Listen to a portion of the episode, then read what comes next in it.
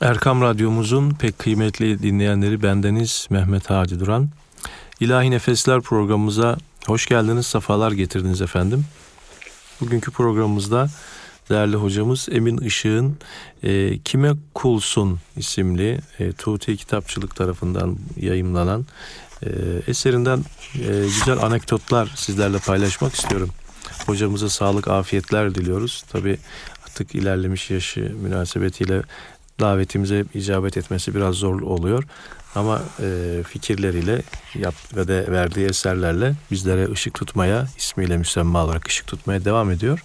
Şimdi onun e, güzel e, bu faydalı bilgileriyle sizleri e, kısmetli edeceğiz. Ama öncelikle bir eser dinliyoruz şimdi.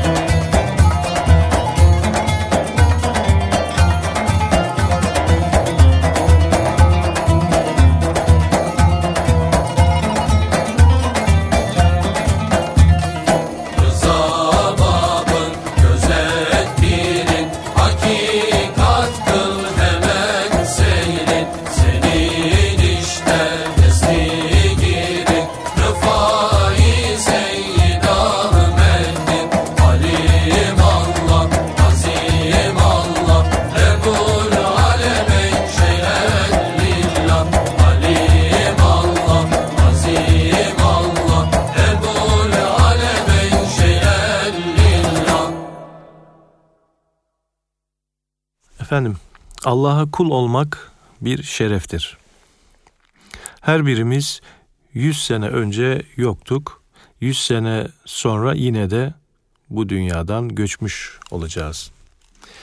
Bizi var eden, varlığından haberdar eden, akıl, fikir, ilim, irfan ve vicdan yetenekleriyle donatıp bütün canlılara üstün kılan yüce yaratanın üzerimizdeki hakkı nasıl inkar edilebilir?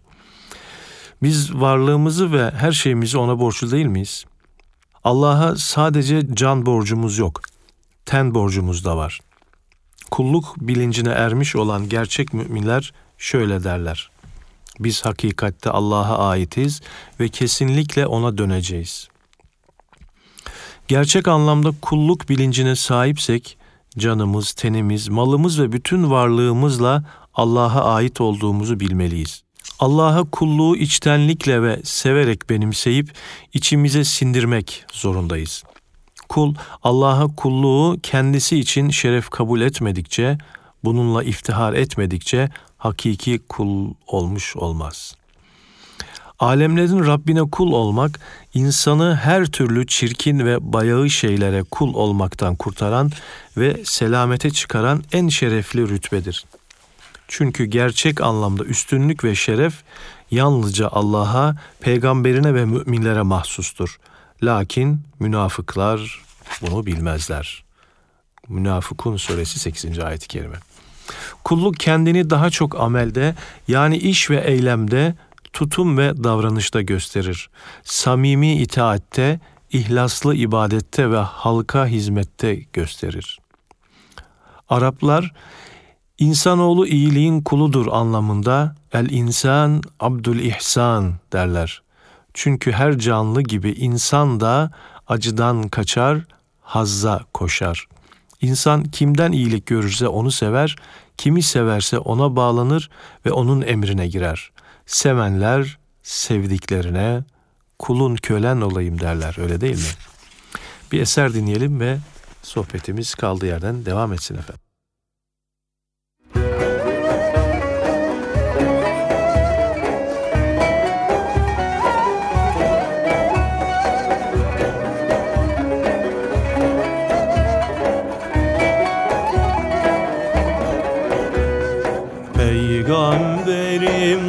Sultanımdı cihanda fenahım Peygamberim sultanımdı cihanda fenahım. Dilde olan fermanım La ilahe illallah.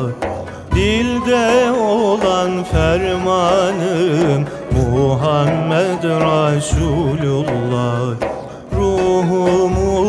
safası Kalbimizin cilası Ruhumuzun safası Kalbimizin cilası Zikrullah'ın alası La ilahe illallah Zikrullah'ın alası Muhammed Resulullah İllallah, illallah La ilahe illallah.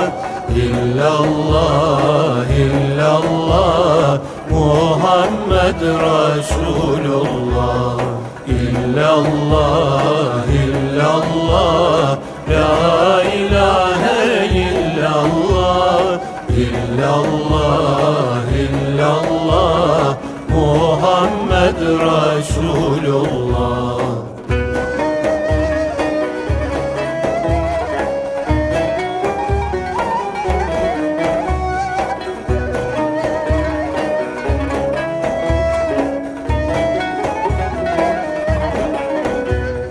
Aşkın ile izzete erdiriyor devlete. Aşkın ile izzete erdiriyor devlete. Vaslettiren hazrete La ilahe illallah. Vaslettiren hazrete Muhammed Resulullah.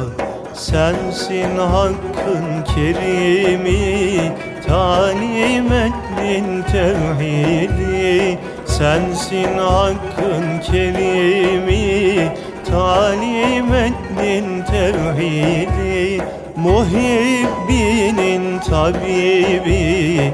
La ilahe illallah Muhibbinin tabibi. Muhammed Resulullah İllallah, illallah La ilahe illallah. İllallah, illallah Muhammed Resulullah. İllallah, illallah La ilahe illallah. İllallah, illallah Muhammed Resulullah Evet efendim, bu güzel eserden sonra programımız devam ediyor. İnsanlar görsün diye yapılan her iyilik, insanlar arasında sahibine iyi bir şöhret kazandırabilir fakat hak katında bir şey kazandırmaz. İnsanlar ona belki aferin iyi yaptın derler ama acaba Allah ve melekleri de öyle derler mi? Bir kutsi hadis-i şerifte bu mesele şöyle açıklanır. Mahşer yerinde o büyük hesap gününde Cenabı Hakk'ın huzuruna bazı şehitler gelecek ve ey Rabbim ben senin için cihad ettim ve can verdim. Şehit düştüm fakat sen bana şehit rütbesi vermedin niçin diye soracak.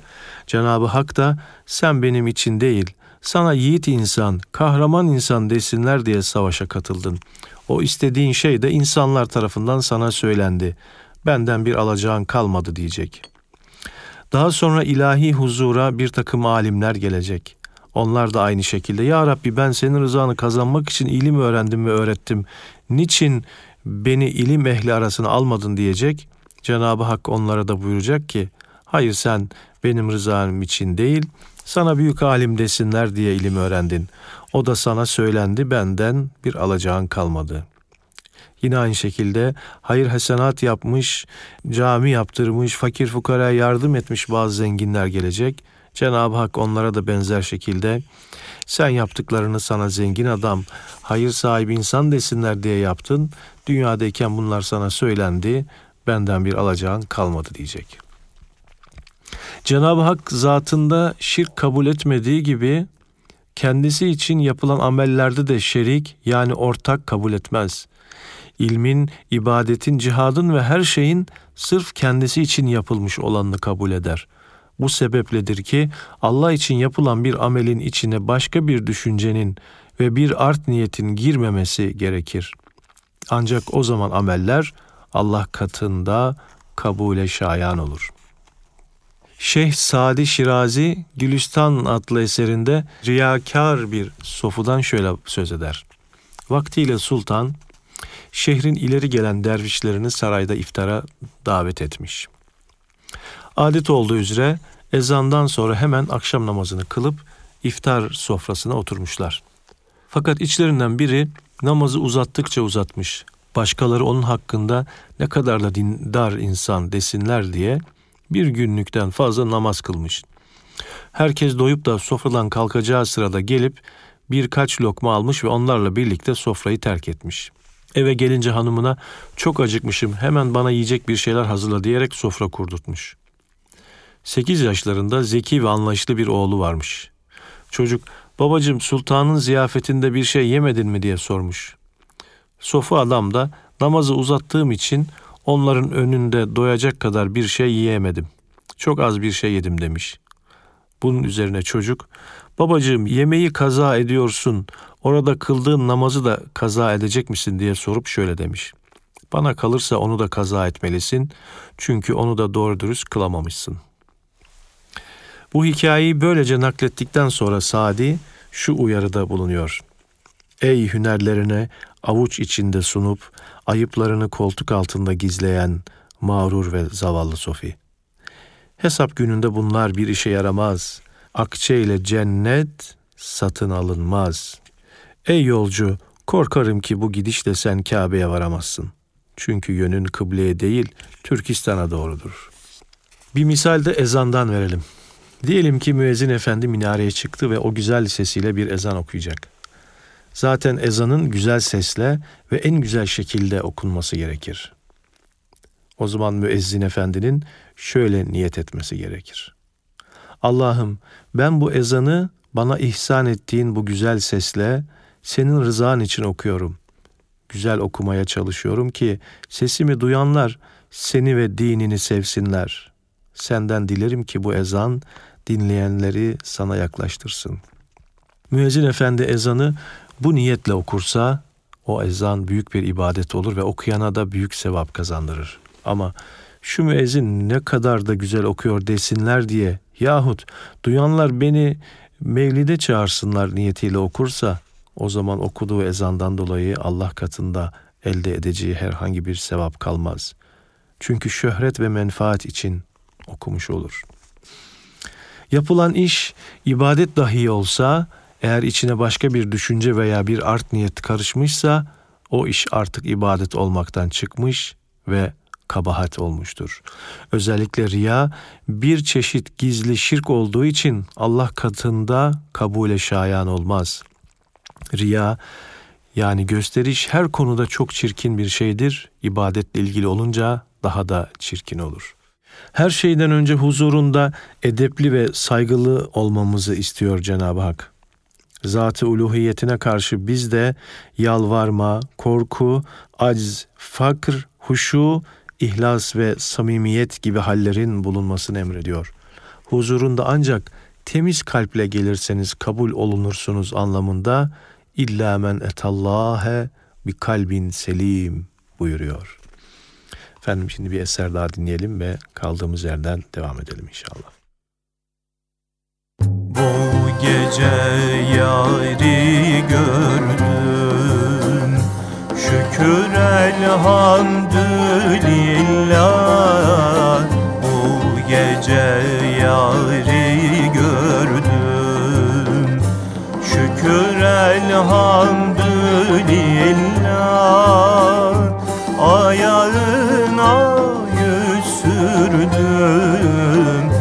Şükür elhamdülillah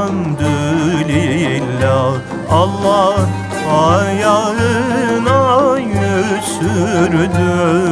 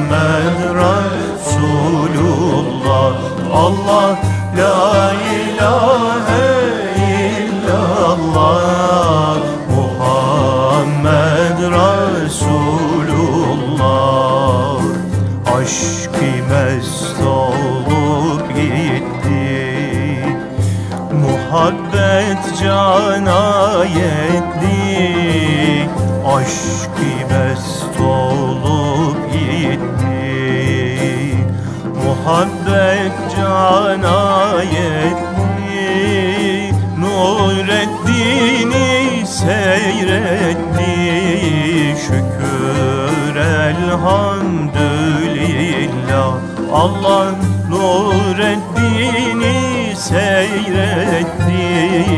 Şükür elhamdülillah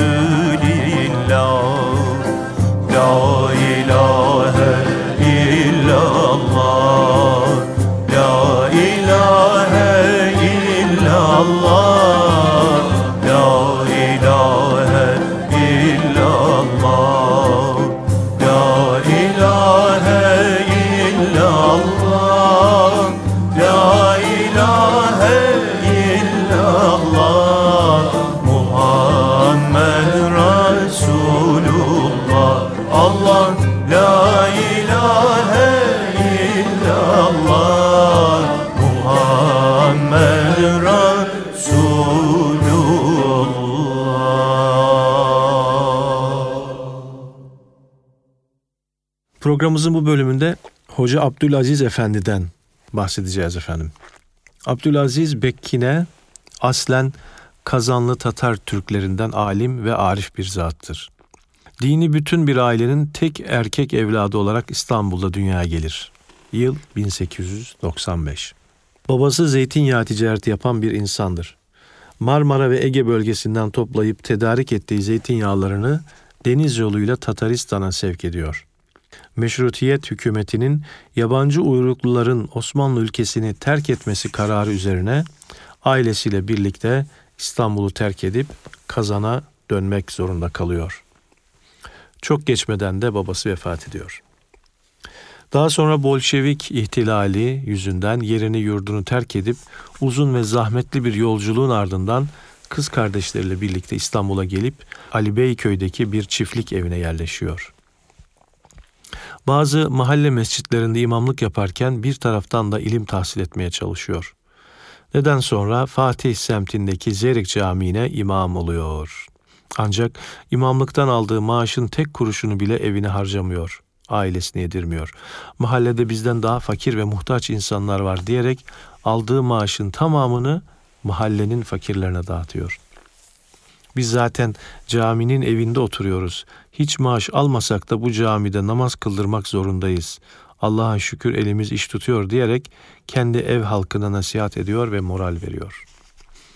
Her hafta çarşıya gidip birkaç kilo yün alıyor, Evde eşi ve çocuklarıyla yün çorap eğirip örüyorlar.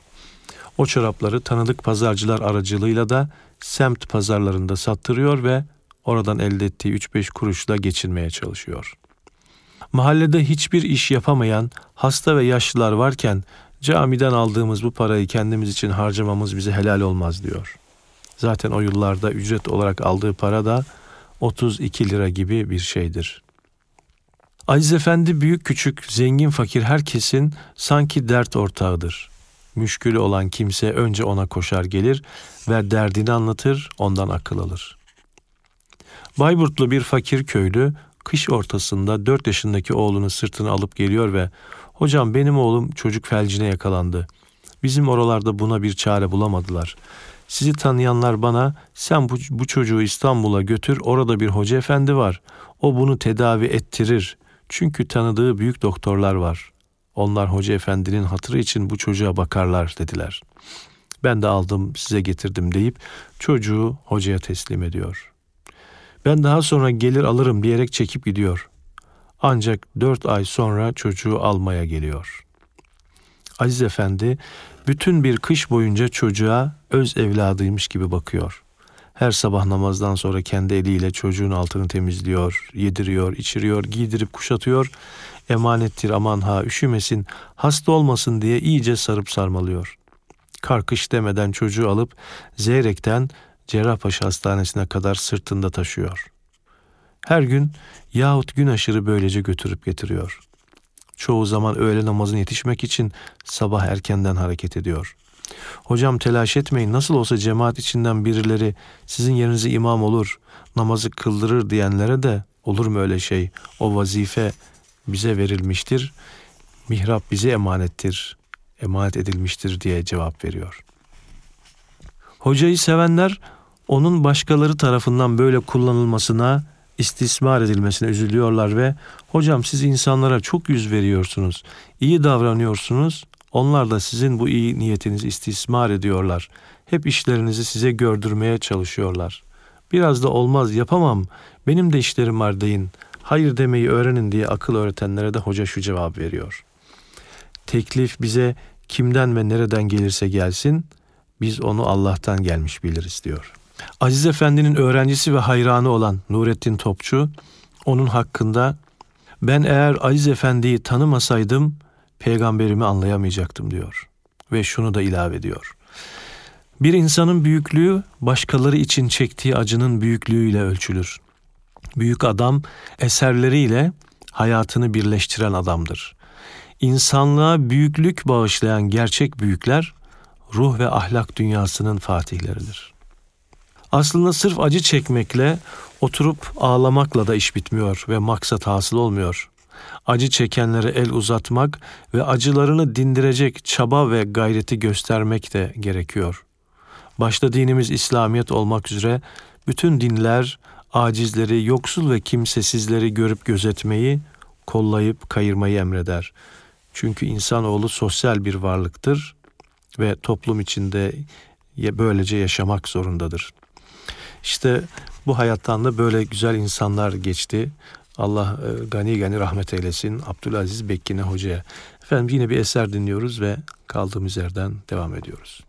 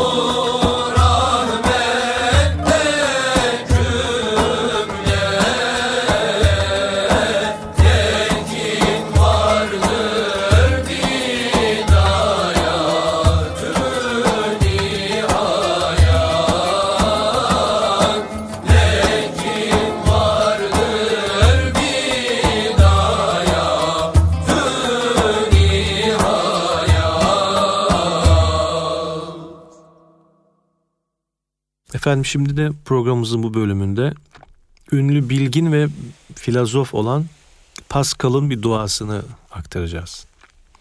Çile ibadet midir veya gerekli midir diye soranlara, bu konuda şüphe ve tereddüt gösterenlere belki bir cevap olur diye bunu bir dua örneği olarak sizlere sunmak istiyoruz.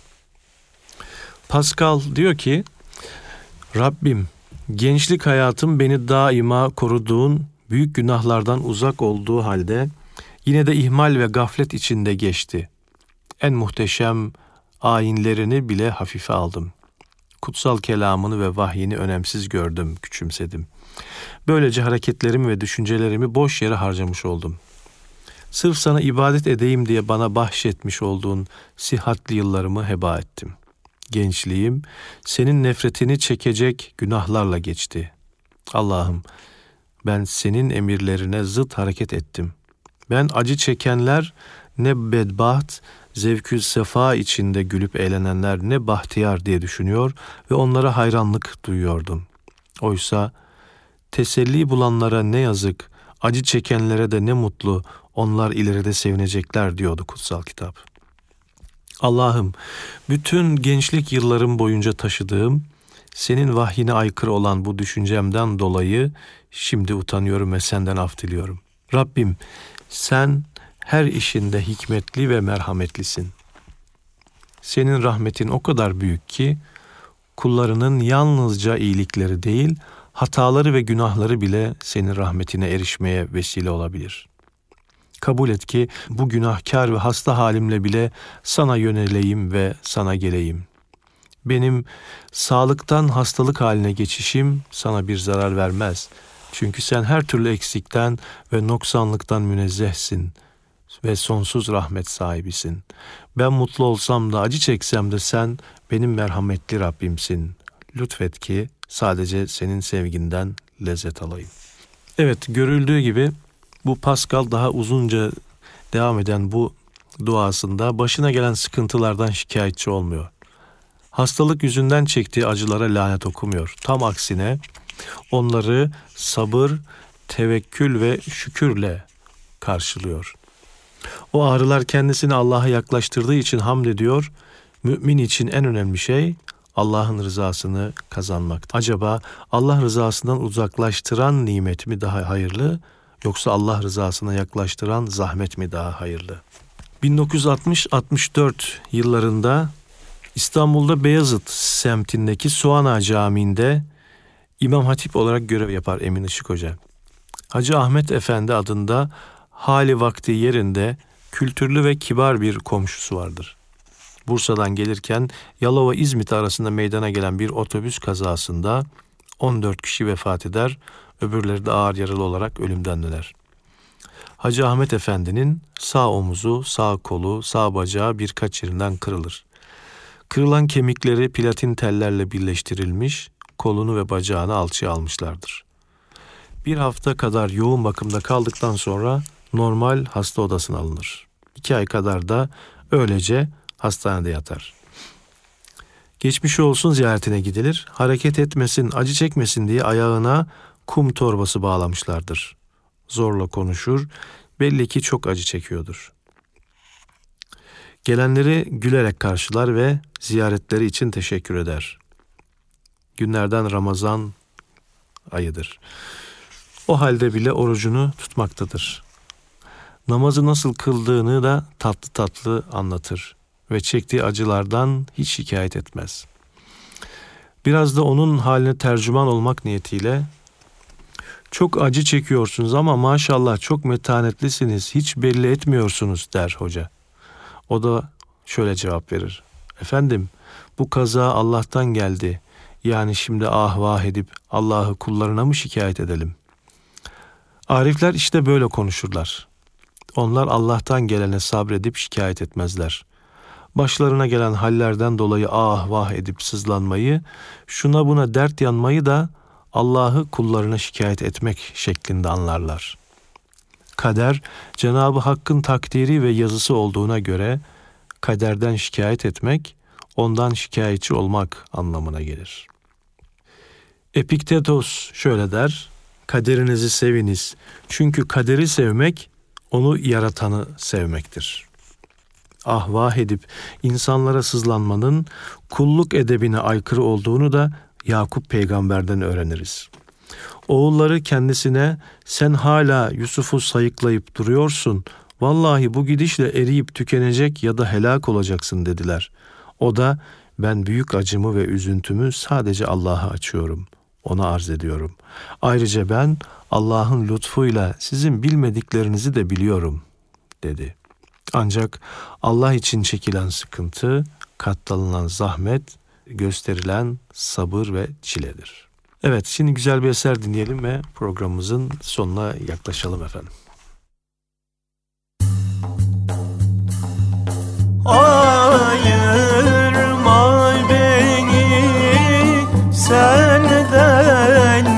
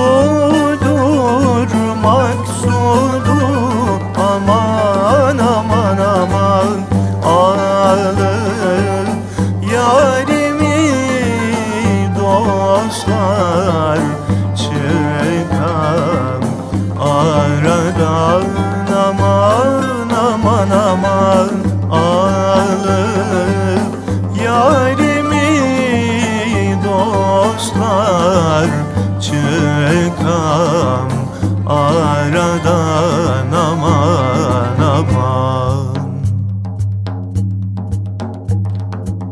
Gel gülşeni tevhide şu bülbül gibi yahu Gel gülşeni tevhide şu bülbül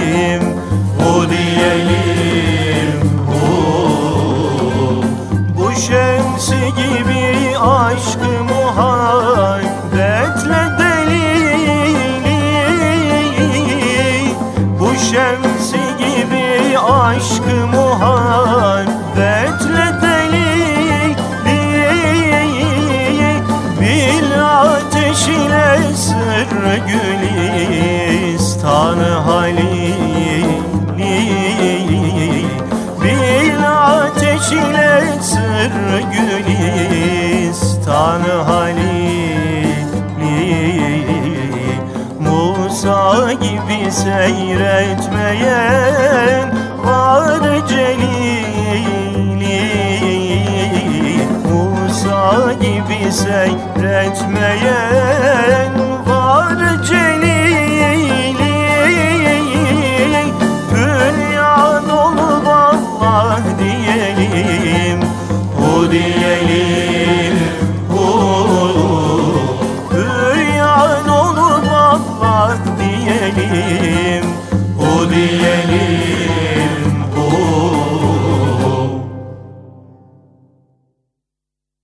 efendim bu güzel eserden sonra programımızın sonunda bir şey efendinin tenbihiyle sizlere veda edelim. Hakiki iman Allah'ı bilmek değil onu sevmektir.